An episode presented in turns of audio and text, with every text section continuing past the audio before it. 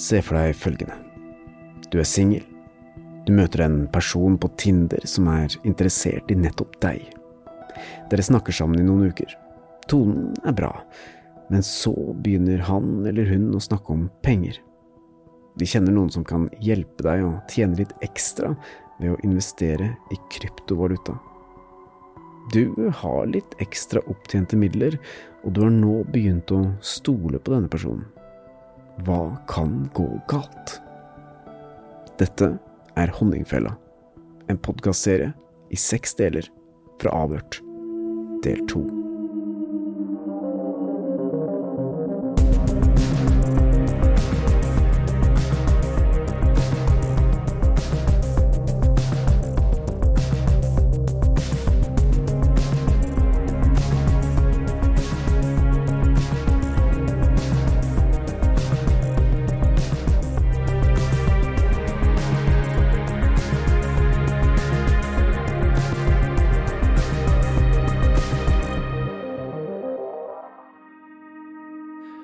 Forrige episode så hørte vi historien om Jon som hadde møtt eh, denne jenta som kalte seg Arina, på Tinder. Etter en tid så hadde kommunikasjonen gått over til WhatsApp, og eh, Arina hadde etter hvert begynt å prate mer og mer om forskjellige investeringer som hun hadde gjort, og som hadde gjort at hun hadde tjent gode penger. Jon hadde nettopp solgt en leilighet og satt tilfeldigvis med flere hundre tusen kroner på konto. Jon hadde et godt øye til eh, Arina, og eh, etter hvert så anbefaler Arina at Jon skal ta kontakt med hennes svoger. Ja, og han øh, heter jo Kaspar Teras og holder til i Amsterdam. Ja, denne Kaspar Teras eh, utga seg for å være en såkalt broker, en megler som hadde god peiling og kunne hjelpe Jon med å investere i kryptovaluta. Og det gjorde han. Han hjalp altså Jon til å investere alle sparepengene sine i det som skulle vise seg å bare være en eneste stor svindel. Jon har gitt oss tilgang til all kommunikasjon han har hatt med Arina og denne megleren, og vi har begynt å grave i det her. Og vi har også fått tilgang til denne investeringssiden fra Jon, der hvor pengene hans øh, var investert. Tigi. Mhm. Og vi har sett litt på den siden, og den ser jo uh, ganske profesjonell ut, Helge. Ja, Men øh, vi er ikke akkurat noen eksperter Ja, det- på det greiene her. Jeg har jo laga et par nettsider, men det, det er jo ikke på det nivået her. Her er jo en nettside med ordentlige funksjoner. Man kan sette penger inn. eh, Du ser, det er et virvar av tall og grafer som går opp og ned. Um, Tilsynelatende skal man kunne ta penger ut. Eh, Så det, det her er jo noen som vet hva de driver med. Men det gjør ikke vi. Vi vet ikke så mye om disse tingene her, sånn, så nå skal vi faktisk snakke med denne kryptoeksperten vår. Og få hans vurdering av øh, denne investeringssiden. Torkil, du har nå sett nærmere på denne nettsida som svindlerne har brukt. Hva kan du egentlig si om den nettsida? Ja, det er kanskje det umiddelbare førsteinntrykket er at de, ehm, de bruker ganske mye altså Ikke sånn kjempeavanserte finansielle begreper, men de liksom bruker en del sånne tradisjonelle, etablerte finansielle begreper. CFD går igjen. Contract for difference. Det er en type sånn investeringsprodukt som, som tradisjonelle meglere pusher på deg, men som ingen egentlig helt veit hva er. Så det går igjen her. altså favorable trading conditions only for you. Det er et par andre sånne sånne tekniske finansbegreper. For meg virker det nesten litt som at de eh, de lager dette her litt for å forvirre. Bruker slenger opp en del begreper og termer som skal se liksom, kjent ut, men samtidig ikke være helt forståelig. Man skal på en måte ikke skjønne helt hva man driver med. Hvis man hadde skjønt helt hva man drev med, så hadde man ikke hatt behov for denne megleren eller den brokeren som skulle hjelpe deg. Men de har på en måte laga nettsider som skal se trygge og fine ut, men samtidig forvirre deg litt. Så ser det også Jeg syns nettsidene ser ganske på en måte ganske billig ut. For meg ser det litt ut som at jeg kanskje har kjøpt en sånn der standardpakke. ikke sant? At du kan gå til eh, eh, Finne en frilanser på nettet, ikke sant. Og for noen, for noen tusenlapper så får du en fiks ferdig nettside hvor du slenger din egen logo og dine egne bilder og dine egne farger på det. Ja. Um, Her står det f.eks. 'easily become a professional trader', og så er det bilde av en, sånn, en dame i blazer og Don't worry about the safety of your trading transactions. Ja da. Det er liksom? Det er, det er, det er finansielle begreper og termer som er sånn Gir mening, men samtidig ikke gir mening. Eh, nettsiden ser litt billig ut. Jeg veit at du kan kjøpe sånne pakker hvor du kan få en fiks ferdig liksom, bitcoin trading-plattform for, for noen tusen euro. Eh, så det her veit jeg kan kjøpes. Før vi gikk i studio der, så kikka du på en av de sidene, og så dukka det opp et bilde. Og så sa du det bildet har jeg sett før. Jeg har laget et nettsted, altså jeg er da IT-utvikler av, av yrke, så jeg har laga litt nettsider opp igjennom. Og blant annet et av de bildene som dukka opp, og det, akkurat det bildet har jeg også brukt da på en side jeg laget. For det er sånn at du kjøper en sånn standardpakke med liksom, så stokkfotos, kaller man det jo. Du kjøper en sånn standardpakke, og så får du det, og så er det fint. Og så. Men det ender opp med et, eh, hvor liksom alle disse sidene ser liksom de ser litt like ut, fordi du har sett disse bildene før, og det er ikke liksom veldig originalt innhold. Her er det flashy farger, og det er, og det er rødt og grønt om hverandre, og det er gevinst, og det er tap, og det er det hele ganske rotete og uoversiktlig. På en måte kunne det jo sett ut som en helt legitim uh, tradingplattform. Når man logger inn på sånne tradingplattformer, så er det ofte ganske komplekse skjermbilder som møter deg. I hvert fall hvis du logger inn på de som på en måte er mynta på litt mer uh, ikke si profesjonelle, men liksom mynta på de som på en måte er litt mer inni det. da. Og sånn sett kunne den jo sett helt, eh, helt, helt, helt eh, fin ut, den her. Men man ser jo på en måte også at det er et veldig komplekst brukergrensesnitt her. Med liksom mange ting å trykke på, mange tall som flasher forbi, og mange grafer og, og, og, og alt sånt. Og sånn jeg tolker det, er jo det også kanskje på en måte ganske bevisst her, da, at man, at man sender disse folka inn på en veldig kompleks side. som de det er meninga at de ikke skal skjønne så mye av. Da kan jo han der veldig hyggelige megleren ta opp telefonen og guide deg gjennom hele prosessen og hjelpe deg med dette.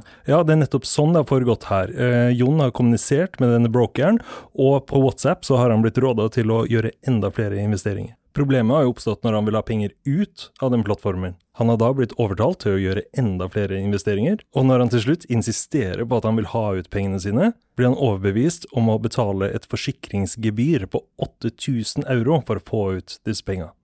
Det er jo sånn modus operandi som man, eh, som man kjenner litt igjen, eller som man har sett flere ganger. da, At det er eh, alltid veldig enkelt å få penga ut.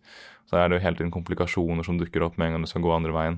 Eh, og Det som på en måte er litt sånn der, det som gjør for både liksom hele dette bitcoin-aspektet, men også egentlig tradisjonell finans da, og tradisjonell bankvirksomhet og pengeoverføringer, at det kan være liksom relativt komplekse, hårete greier. da. Det er liksom Hvis banken din sier at eh, eller du skal gjøre internasjonal overføring, det, det er noe man ikke gjør sånn veldig ofte, men jeg har gjort det et par ganger, og det, det, det kan bli ganske hårete. Og Det er mye rare tall og beskjeder og meldinger, og det tar noen dager, og du får ofte rare feilmeldinger tilbake fra banken din.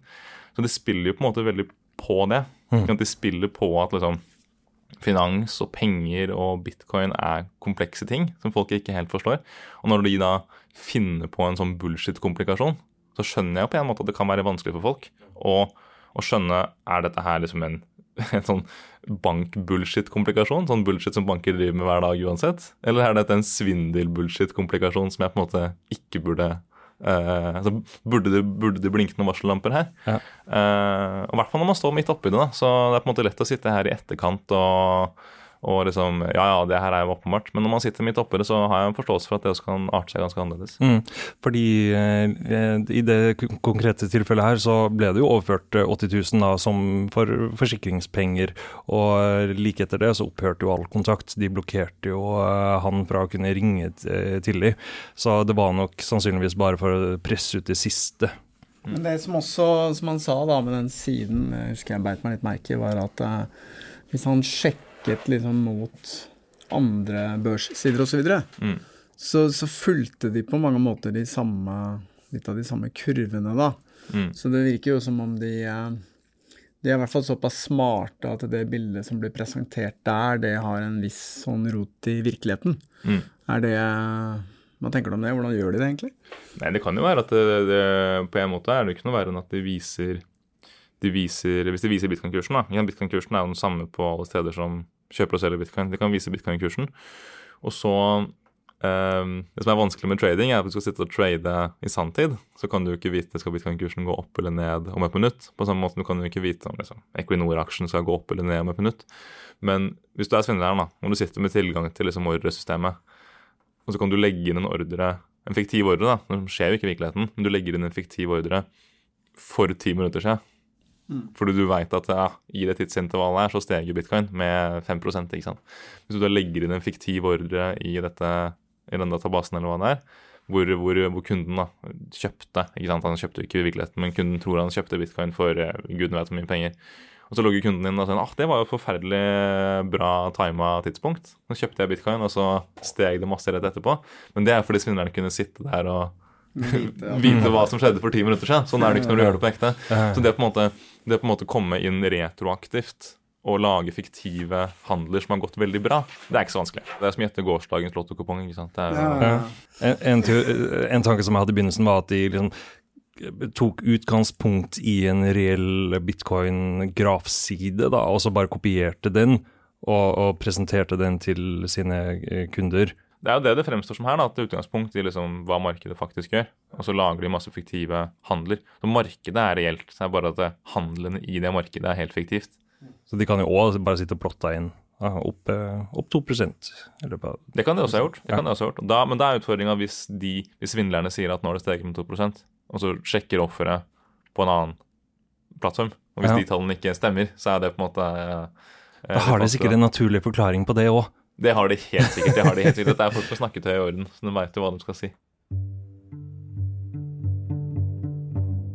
Eh, ja, Helge, det er jo åpenbart at disse svindlerne har virkelig lagt seg i selen for å eh, få denne investeringssiden til å framstå som troverdig. Og det, for mitt utrente øye, for de aller fleste, så er det sikkert veldig vanskelig å se at dette er en svindel. Ja, det er en nettside som ser flashy ut, og de bruker masse uttrykk som heller ikke vi forstår. Og jeg kan sette meg inn i Jons situasjon, at da er det en uh, betryggelse å ha denne brokeren da, nede i Amsterdam som guidet han gjennom hele denne prosessen. Ja, og Jon fortalte jo at han var jo inne på denne siden daglig fulgte med på disse grafene, så på aksjene sine, investeringene sine, så at dette økte i verdi. På et eller annet tidspunkt så hadde han jo mer enn doblet pengene sine, og han var jo veldig fornøyd, han var jo veldig glad lenge. Og det førte jo til at Jon overførte mer og mer penger. For han overførte jo ikke alt med en gang, han liksom testa ut litt med 10 000 kroner, 50 000 kroner osv. Og, så og så vokste jo bare dette, så han stolte jo på denne siden. Og han stolte på megleren, som på det tidspunktet var veldig hyggelig og imøtekommende, og, og nærmest uh, fikk det til å virke som om at han uh, bidro i den risikotakinga som Jon uh, gjorde ved å investere her. Det morsomme er jo at vi forsøkte jo også å finne adressen til denne megleren, Helge. Ja, på den Tigi-sida så var det en adresse, en adresse i Nederland. Men eh, da vi gjorde et søk på den, så kom vi til et vanlig bolighus i et eh, helt vanlig nabolag. I og med at vi kom litt til kort med å prøve å finne denne Kaspar Terras, eh, et bolighus et eller annet sted i Amsterdam, så var vi selvfølgelig veldig nysgjerrig på om kryptoeksperten vår kunne klare å spore hvor disse pengene hadde blitt av.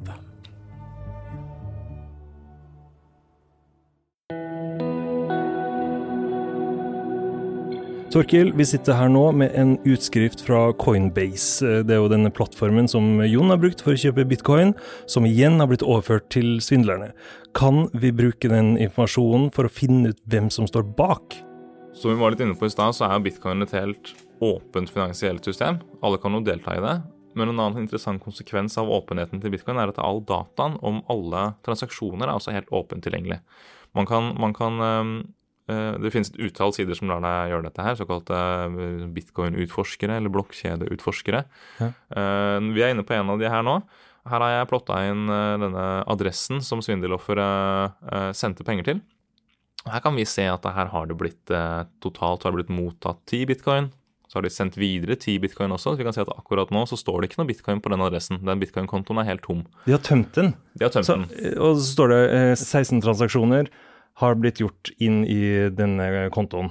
Mm. Vi ser her at det har blitt sendt eh, ikke sant, vi sendte i, I februar ble det sendt eh, to, tre, fire transaksjoner. Det ble både sendt litt penger til den adressen, og det ble sendt litt penger fra den adressen. Klarer vi å identifisere vårt svindeloffers overføring der? Det, det, kan vi helt greit. det med litt, Jeg ser ikke det umiddelbart nå, men det er bare å sammenligne tidspunktene for når det ble gjort. Og så ja. kan vi helt fint finne ut av uh, når vårt svindeloffer sendte pengene. Vi ser at det ble sendt ut uh, en del ganger i, i mars, og så også noe, nei, i februar, mener jeg, og så også en del i, i januar. Så det interessante er at vi kan da klikke oss videre. Nå ser vi her at uh, For denne kontoen er tom. Den er tom. Ja. Og så ser vi da den siste transaksjonen som ble sendt. Det var da at, svindel, at, at svindlerne sendte 2,6 bitcoin fra denne bitcoin-kontoen sin og videre til et annet sted. Da kan vi klikke oss inn der. Og da kan vi vite at ok, her du pengene sendt videre. Eh, og her igjen kommer vi videre til en ny bitcoin-adresse, hvor vi ser at de har totalt mottatt 204 bitcoin. Oi, hvor, hvor mye tilsvarer det i dagens eh, kurs? 204 bitcoin i dagens kurs, det tilsvarer eh, ca. 100 millioner kroner. 100 millioner kroner. Og dette her er jo da én bitcoin-konto. Og eh, nå har vi bare så vidt gravd i disse bitcoin-kontoene og bitcoin-adressene. Eh, jeg vil på en måte anta her at eh, svindlerne sitter på mange sånne adresser. Ikke sant? Og, og det, det kan man jo grave videre i, da. Så vi kan jo klikke oss videre, da. Og dette er litt sånn der klikk så lenge du vil-spill. Du kan på en måte til enhver tid eh, skrelle deg ett lag dypere ned i bitcoin-løken og prøve å komme til kjernen. Så teorien er at du bare fortsetter, fortsetter, fortsetter, og kommer til en sånn moderkonto der det står alt. Så. Ja, hvis de, har, hvis de har plassert alt på en moderkonto. da. Det Ja. kan jo være at de har 20 kontoer som ting står fordelt på. Men du kan i hvert fall Nå ser vi her at den kontoen vi er inne på nå De har altså mottatt 204 bitcoins i, gjennom 843 transaksjoner, men eh, i dag så står det bare 0,026 bitcoin, som er eh, 1500 dollar. Ja. Så, så vi, kan da, vi kan jo da se når de sender disse pengene videre. Så øh, da kan man sitte og følge med også. da, Man kan sitte og følge med på kommer det noe mer penger inn her. Vi ser at den siste transaksjonen som ble gjennomført, var jo da øh, for en ukes tid siden. Ja. Det er jo da et interessant spørsmål. Er dette her et øh, svindeloffer? Eller er det svindlerne som skifler rundt på sine egne penger? Det er på en måte umiddelbart ikke helt godt å vite. Um, men, um, men vi ser her at det, det var jo tidligere i oktober, og så har det vært en del i september, og så var det noe i august. Så det er helt åpent, og all dataen ligger der ute. Så dette er på en måte en sånn um, Sånn sett en veldig interessant eh, økonomisk liten eh, gullgruve av data. Hvor den som har tid og interesse og litt sånn basic eh, kompetanse, kan sitte her og finne ut her ganske mye. Men så her er altså mulig å klikke seg videre til hvor disse 204 bitcoin eh, kanskje har blitt sendt, da. Ja, og det, her ser det ut som at det er blitt gjennomført i veldig mange ulike transaksjoner.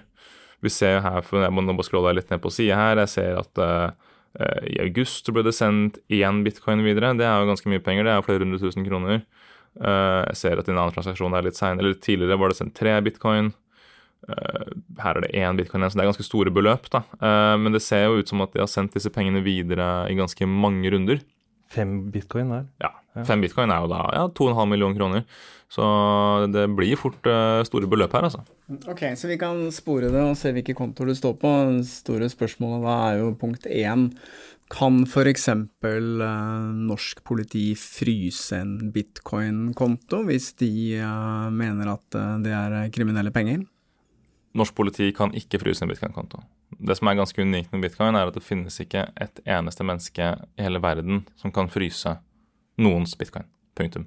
Du kan laste ned en app på telefonen din, og du kan bruke den appen til å motta penger fra hvem som helst på hele kloden, og ingen kan stoppe deg. Og Det er jo da i, i min bok da, noe av det vakre med bitcoin. Og kanskje ikke så bra heller, i og med at det blir et mekka for uh, kjeltringer og kriminelle penger og terrorpenger og osv. Det er litt som Uncle Ben sier til eh, Spiderman. Med, med, med store krefter kommer også stort ansvar. Så det er, eh, det, er, eh, det er frihetens tvegede sverd. At du har frihet både til et åpent og, åpent og fritt system, men du har dessverre også friheten til å bli svindla. Så det er på en måte, det er, det er sånn det er da, når det ikke er noen voksne i rommet til å passe på. Men la meg bare spørre, tror du at det er noe håp for at Jon får pengene sine tilbake her i det hele tatt? Det er fryktelig vanskelig å si. Og det kommer jo da veldig an på hva svindlerne har gjort med penga til syvende og sist. Hvis svindlerne disse 204 bitcoin som vi er inne nå og ser, ikke sant, 100 millioner kroner. Hvis svindlerne måtte si seg fornøyd med det og lar de eh, stå som bitcoin uten å gjøre så veldig mye mer med det inntil videre, så er det nok ganske lite man kan gjøre. Men litt mer realistisk så tenker jeg at svindlerne har også kanskje et ønske om å cashe ut til sin lokale valuta. Nå, nå veit jo ikke vi hva det er, da, men la oss si svindlerne vil cashe ut i dollar eller euro eller, eller hva det skal være. Um, det er på en måte gjerne når du vil gå fra bitcoin til lokal valuta. Det er der på en måte muligheten oppstår for å potensielt tracke ned hvem dette er. ikke sant? For da må du jo ha bankoverføringer inn i bildet, og du må på en måte interagere med det mer tradisjonelle finansielle systemet, hvor det legges igjen mer identifiserende opplysninger. Um, så et første steg ville jo kanskje vært å prøve å identifisere har disse bitcoinene blitt solgt, og i så fall hvor har de blitt solgt. Og Her finnes en del analysemuligheter som er litt forbi mine umiddelbare, mine umiddelbare evner. Men det finnes muligheter for å potensielt identifisere hvor disse pengene har blitt uh, sendt til syvende og sist. Um, hvis de pengene har blitt sendt til en uh, uh, f.eks. Coinbase, eller en annen sånn stor regulert aktør, så kanskje man da kan finne ut av hvem menneskene på andre siden er. Hvis det har blitt brukt en, en mer shady aktør i utlandet, så kan det være vanskelig. Um, men alt avhenger av har det blitt solgt, og i så fall hvor er det det har blitt solgt. Så hvis jeg forstår deg riktig, så er den eneste muligheten at du sitter og overvåker den kontoen, og ser eventuelt om disse pengene da blir uh, veksla inn i lokal valuta. Kan du se det? Du kan Mye sånn analyse av bitcoin-transaksjoner, det er et sånt um, um, Det er ikke en absolutt vitenskap. Du kan si at her har det med, med stor sannsynlighet så har det blitt solgt bitcoin, eller med stor sannsynlighet har det ikke blitt solgt bitcoin. Du kan aldri være helt sikker. Um, men det finnes ganske avanserte verktøy som lar deg forsøke å analysere dette her. Uh, og igjen, vi, jeg, det er ikke noe jeg kan gjøre umiddelbart her og nå, så det er litt vanskelig å si uh, uh, på stående fot. Men, men, det, men, det, finnes i hvert fall et spor å grave videre i der. Ser du noen svakhetstegn i den metoden som svindlerne har brukt? Mange tenker at bitcoin er anonymt. Ikke sant? Det er på en måte sånn der, eh, anonyme penger hvor ingen vet, hvor ingen vet hvem det er. Så bitcoin er jo ikke anonymt. Det er jo, eh, norske politiet har jo flere tilfeller uttalt at de syns det er bedre at kriminelle bruker bitcoin enn cash. Fordi bitcoin er lettere å spore enn cash. Hvis jeg gir deg en koffert full av tusenlapper, så er det liksom ok, etter at den transaksjonen er gjennomført, så, så er det ikke noe spor etter den. Hvis jeg sender deg masse penger i bitcoin, så, så ligger den dataen der ute for all evig tid. Uh, så bitcoin er ikke anonymt. Det er på en måte det første. da. Uh, og så er det jo også litt om hvordan man bruker bitcoin. Vi, vi ser her at svindlerne har jo da de har gjenbrukt bitcoin-adressene sine. De har gjenbrukt bitcoin-kontoene sine. Det er noe som øh, gjør det lettere å analysere og spore og tracke. Og så Videre kan vi se her da, vi kan jo se at uh, ok, fra den første bitcoin-adressen så ble det sendt penger til øh, en ny konto. Men det ble også sendt penger fra en tredje konto og en fjerde konto.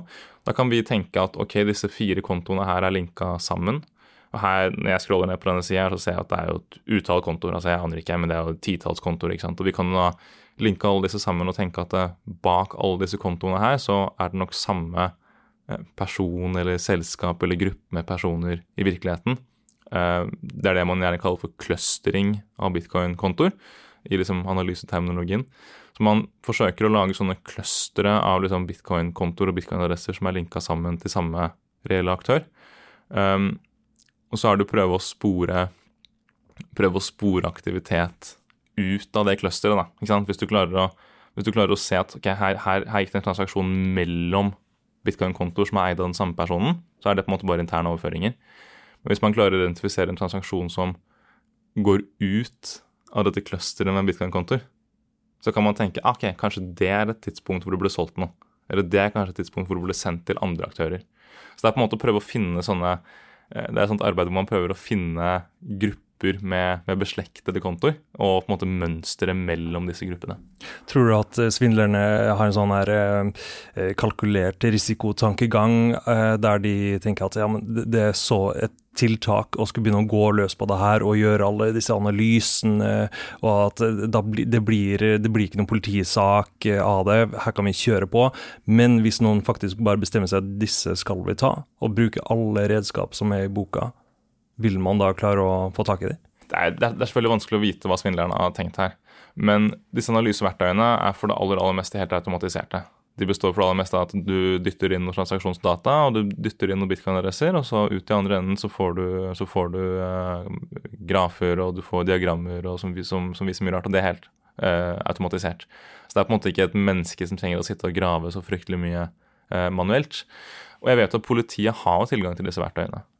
det har også vært eksempler tidligere hvor politiet har eh, har rulla opp ganske store kriminelle nettverk, som, som for det aller meste har solgt narkotika da, på, eh, på, internett, betalt med kryptovaluta. Um, og da har politiet klart å finne dem bl.a. basert på denne analyseteknikken. Så det er noe politiet har gjort før, og politiet har den kapasiteten. Det kan være at det ville hjulpet her. Det, det, er vanskelig å si før man, før man forsøker seg på det.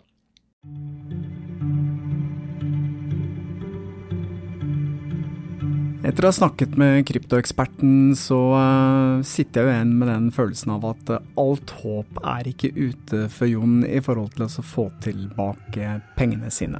Det skal vi se nærmere på i en senere episode.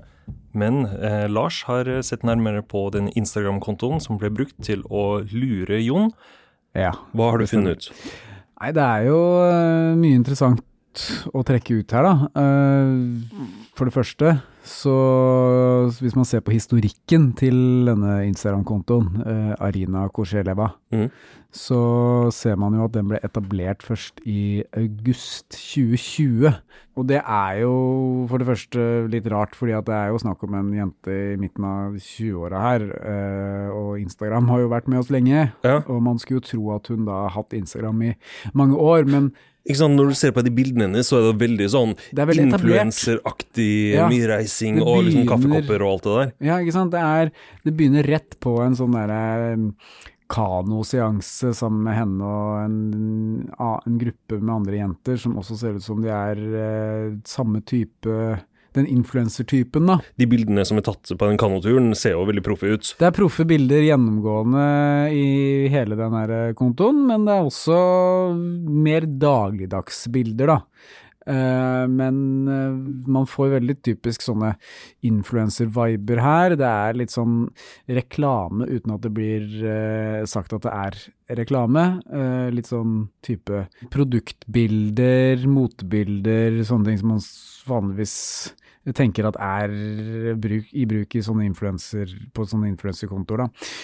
Og en del reising, mye reising. Hun er eh, over hele verden. Men det gir oss egentlig ikke så veldig mye informasjon, uh, mer informasjon enn det vi allerede har.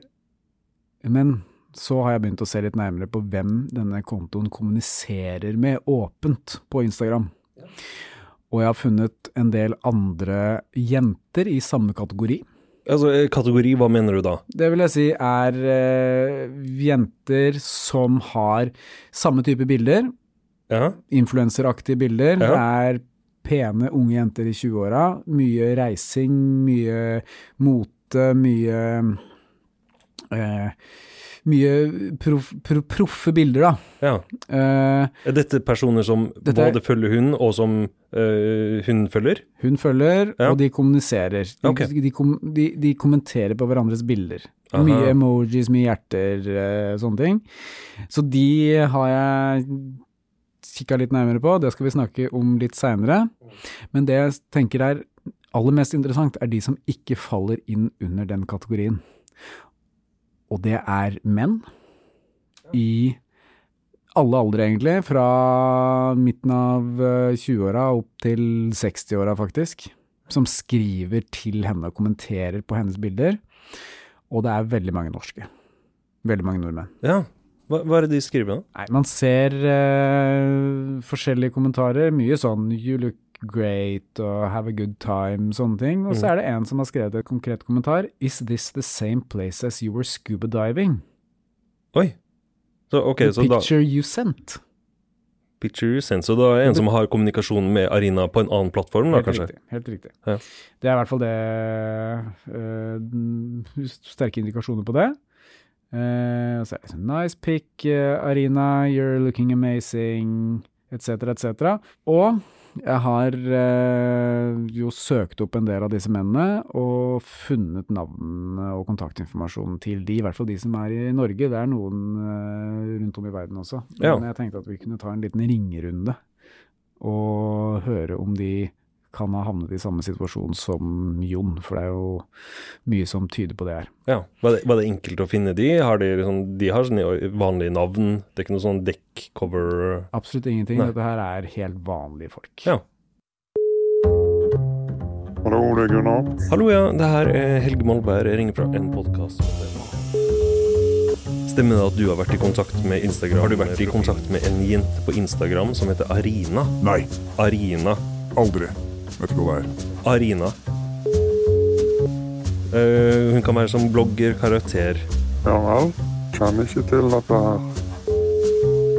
Ja, du har ikke kommunisert med hun, nei? Ok.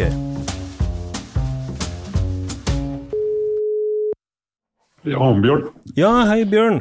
Det her er Helge Molvær. Jeg ringer fra et produksjonsselskap som heter Batong Media. Vi jobber med en internasjonal svindelsak der norske menn har blitt eh, lurt til å investere i noe kryptovaluta. Vi bare lurer på om du Har du kommunisert med Arina på Instagram? Han la på. Hørte du det? Han la på nå med en gang. Hva Ja, men jeg la merke til at han la på i det du sa navnet hennes, gjorde han ikke det? Eller Jo, hørte jeg feil? yes. Helt Ja, riktig. men at du sa navnet, så la han på, så jeg tror kanskje han har gått på en uh, liten smell selv.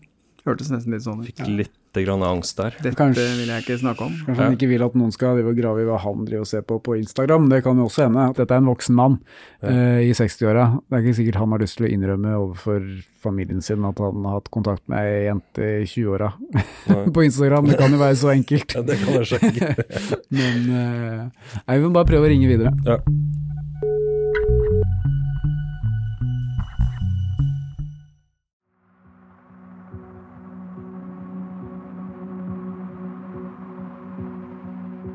Det har vært mange telefonsamtaler nå, og vi har prøvd å få tak i noen av disse her nordmennene som vi kanskje har en mistanke om har kommunisert med Arina. Kanskje de har blitt svindla, de òg. Eh, mange som ikke ville prate med oss. Eh, men til slutt så fikk vi tak i. Du har investert i noe valuta. Mm. Kan du fortelle litt om hvordan det foregikk? Ja, eh, det begynte jo veldig lite planlagt i det hele tatt. Eh, jeg var egentlig ja, var på en eh, Tinder om dette Eller begynte å chatte med ei jente derfra.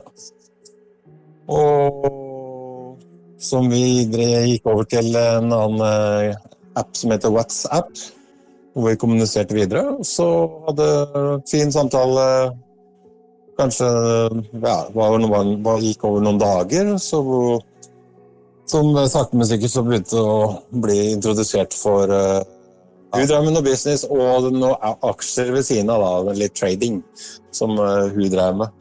Og begynte å introdusere med meg om jeg var litt interessert i det her. og uh, knytta meg, og det var jeg for så vidt også. For liksom, jeg spurte litt om, om det var eh, noe hun tjente penger på, og det gjorde hun. Alt virka veldig ordentlig, da. Men hadde du gjort noen sånne type investeringer før, eller? Nei, det er det som er. Jeg hadde jo aldri vært med på det, men jeg har vært litt nysgjerrig på aksjer og sånn eh, over en lengre periode. Men jeg har jo ikke hatt noe kunnskap om det. Men øh, hvordan gikk samtalen med hun øh, jenta der, da? Nei, det var jo litt sånn eh, Jeg ble litt sånn eh, som vanlig flørting, holdt jeg på å si. Og eh, så viste det at hun Egentlig fikk jeg opp at hun var i På avstanden fra Tinder så sto det at hun ikke var så veldig langt unna først, da. Ok, Uh, for jeg er jo egentlig ikke interessert i å leite, leite etter noen damer på Eller i andre land, liksom, for det er lite interessant. Det funker sjelden bra. Nei, ikke sant, for på Tinder du gikk ut ifra at hun i det minste var i Norge, kanskje? Ja, ja, for du har sånn avstandsmåler på Tinder. Eh, så da sto det at hun liksom befant seg i Oslo. Ja. Men hun var ikke norsk. Nei, Men hvor lenge holdt denne dialogen på på Tinder med denne damen, da? det gikk veldig fort fra Tinder til WhatsApp. Å ja, ok, Du ble flytta opp på WhatsApp, du òg? Mm. Ja. mhm. Det er egentlig veldig fort, faktisk. Og så hvor mange dager gikk det før hun begynte å prate om eh, disse investeringene? Altså, nå, hvis jeg husker riktig, så begynte hun begynte vel å nevne det ganske relativt tidlig, kanskje etter to-tre dager sånt nå. Mm. Eh, Men det var liksom først og, godt over en uke seinere liksom, eh, etter chatting fram og tilbake, liksom at det, hun da skulle introdusere meg, eller snakke med svogeren sin, da, som hadde introdusert henne i dette her. Ok, svogeren. Hm, det her høres, kjent ut. Hva, hva heter han? Eh, Han het Kaspar. Ja. Han het Kaspar, ja. Ok. Mm. Mm -hmm. Og det var svogeren hennes. Det var svogeren hennes, ja. Ok. Og hun fortalte deg at uh, hun tjente masse penger på å investere, og det var en god idé for deg òg, kanskje? Ja, da ble jeg jo litt nysgjerrig, da, så Så og liksom Jeg stola jo litt på henne. Jeg, jeg trodde jo Jeg fikk jo inntrykk av at alt med henne var ekte, da. Mm. Uh, hun sendte jo lydsnutter og bilder, og det var liksom eh, Jeg mistenkte egentlig ingenting eh, på det tidspunktet der, da. Men avtalte dere noe på, på noe tidspunkt å treffes?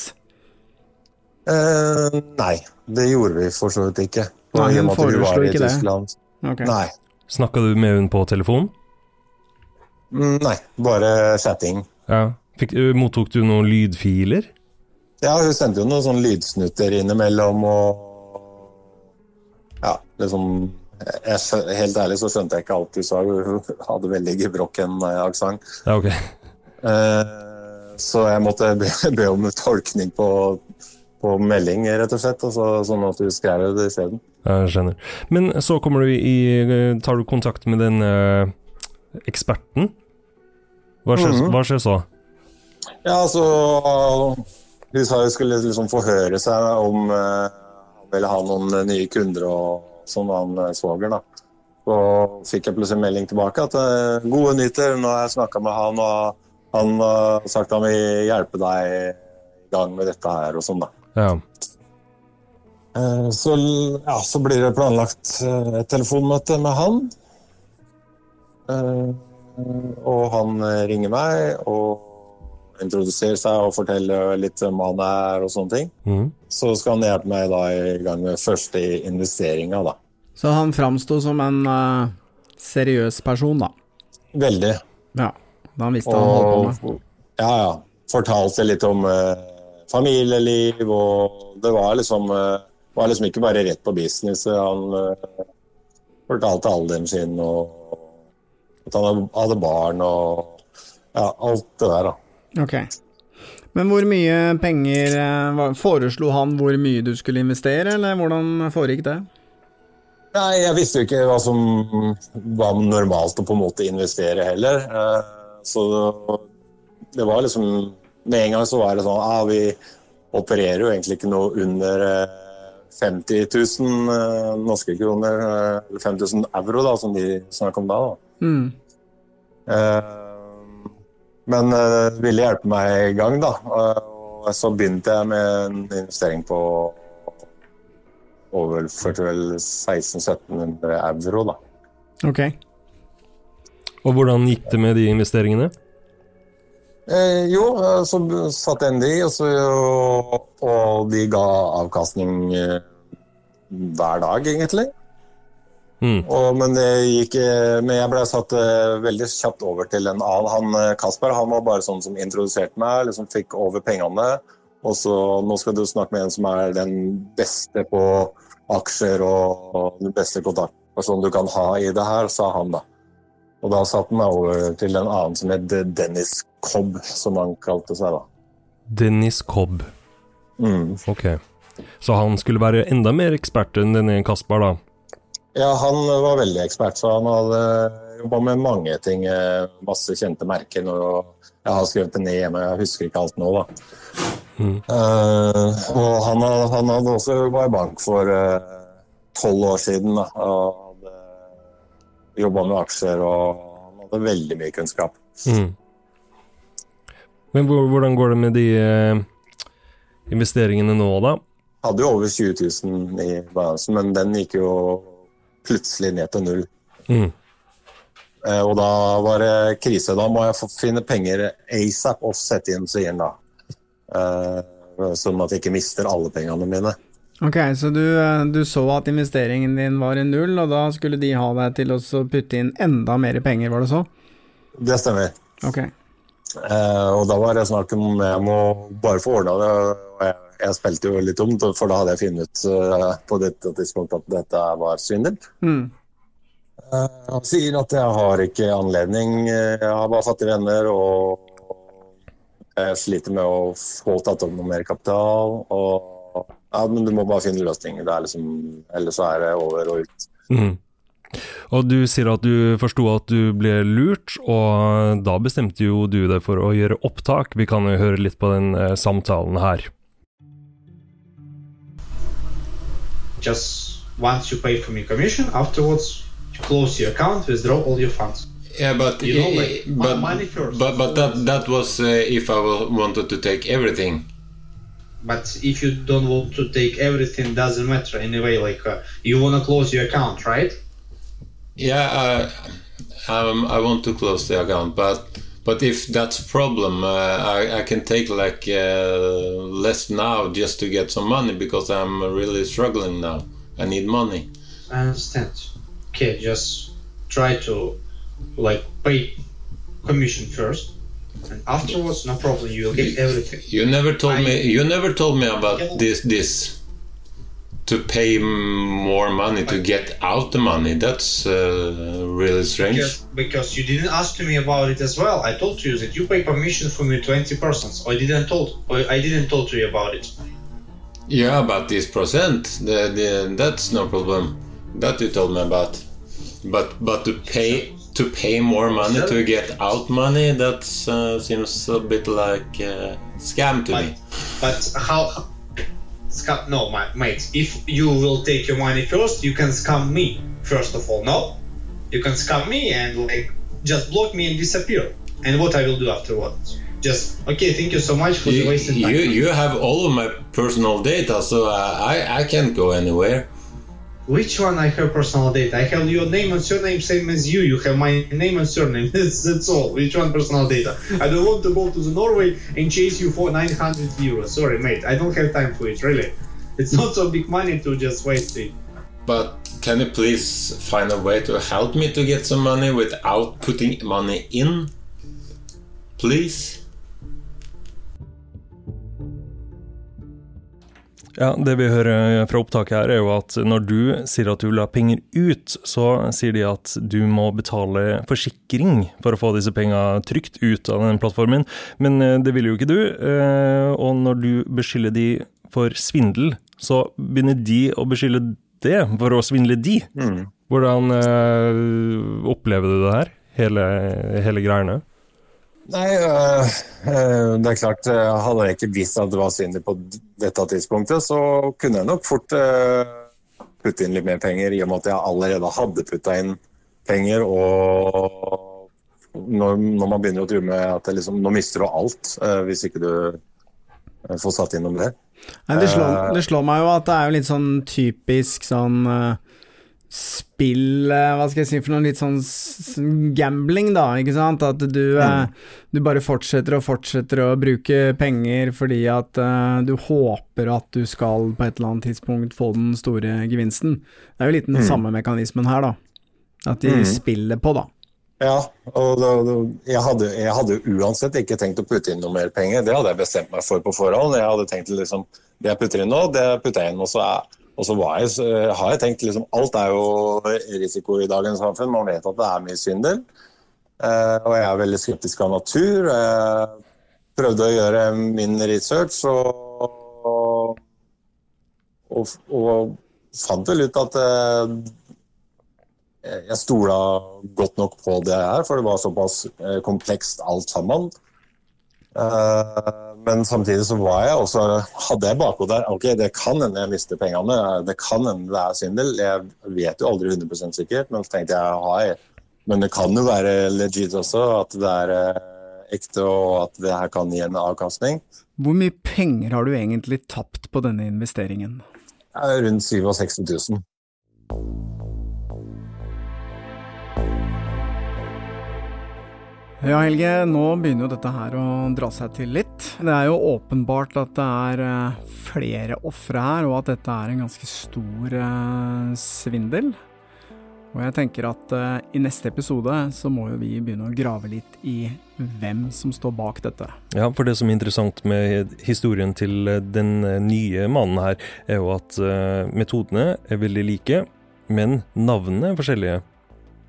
Og hvem er egentlig disse jentene? Der har jeg et hemmelig våpen. Du har et okay. hemmelig våpen, Lars. Få høre. Vi har jo mistenkt hele tiden at disse bildene som er brukt på den falske Det vi antar er den falske Instagram-kontoen til Larina, er stjålet. Eller kjøpt. Mm. Eh, at det ikke tilhører den personen som Jon og den, disse andre mennene faktisk har snakket med. Men det er jo en person på de bildene. Det må jo tilhøre noen. De tilhører noen. Hun heter kanskje ikke Arina? Hvem vet? Det skal vi se på i neste episode.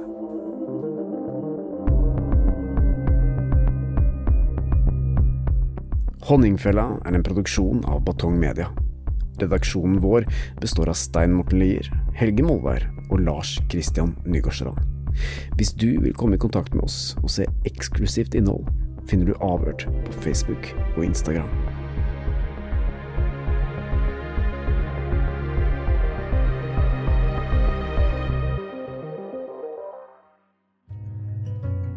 Hvis du setter pris på Avhørt og syns at den jobben vi gjør er viktig, så kan du støtte oss ved å vippse til 8075 99, eller søke opp Batong Media i vips appen Og vi setter stor pris på alle bidrag, store og små.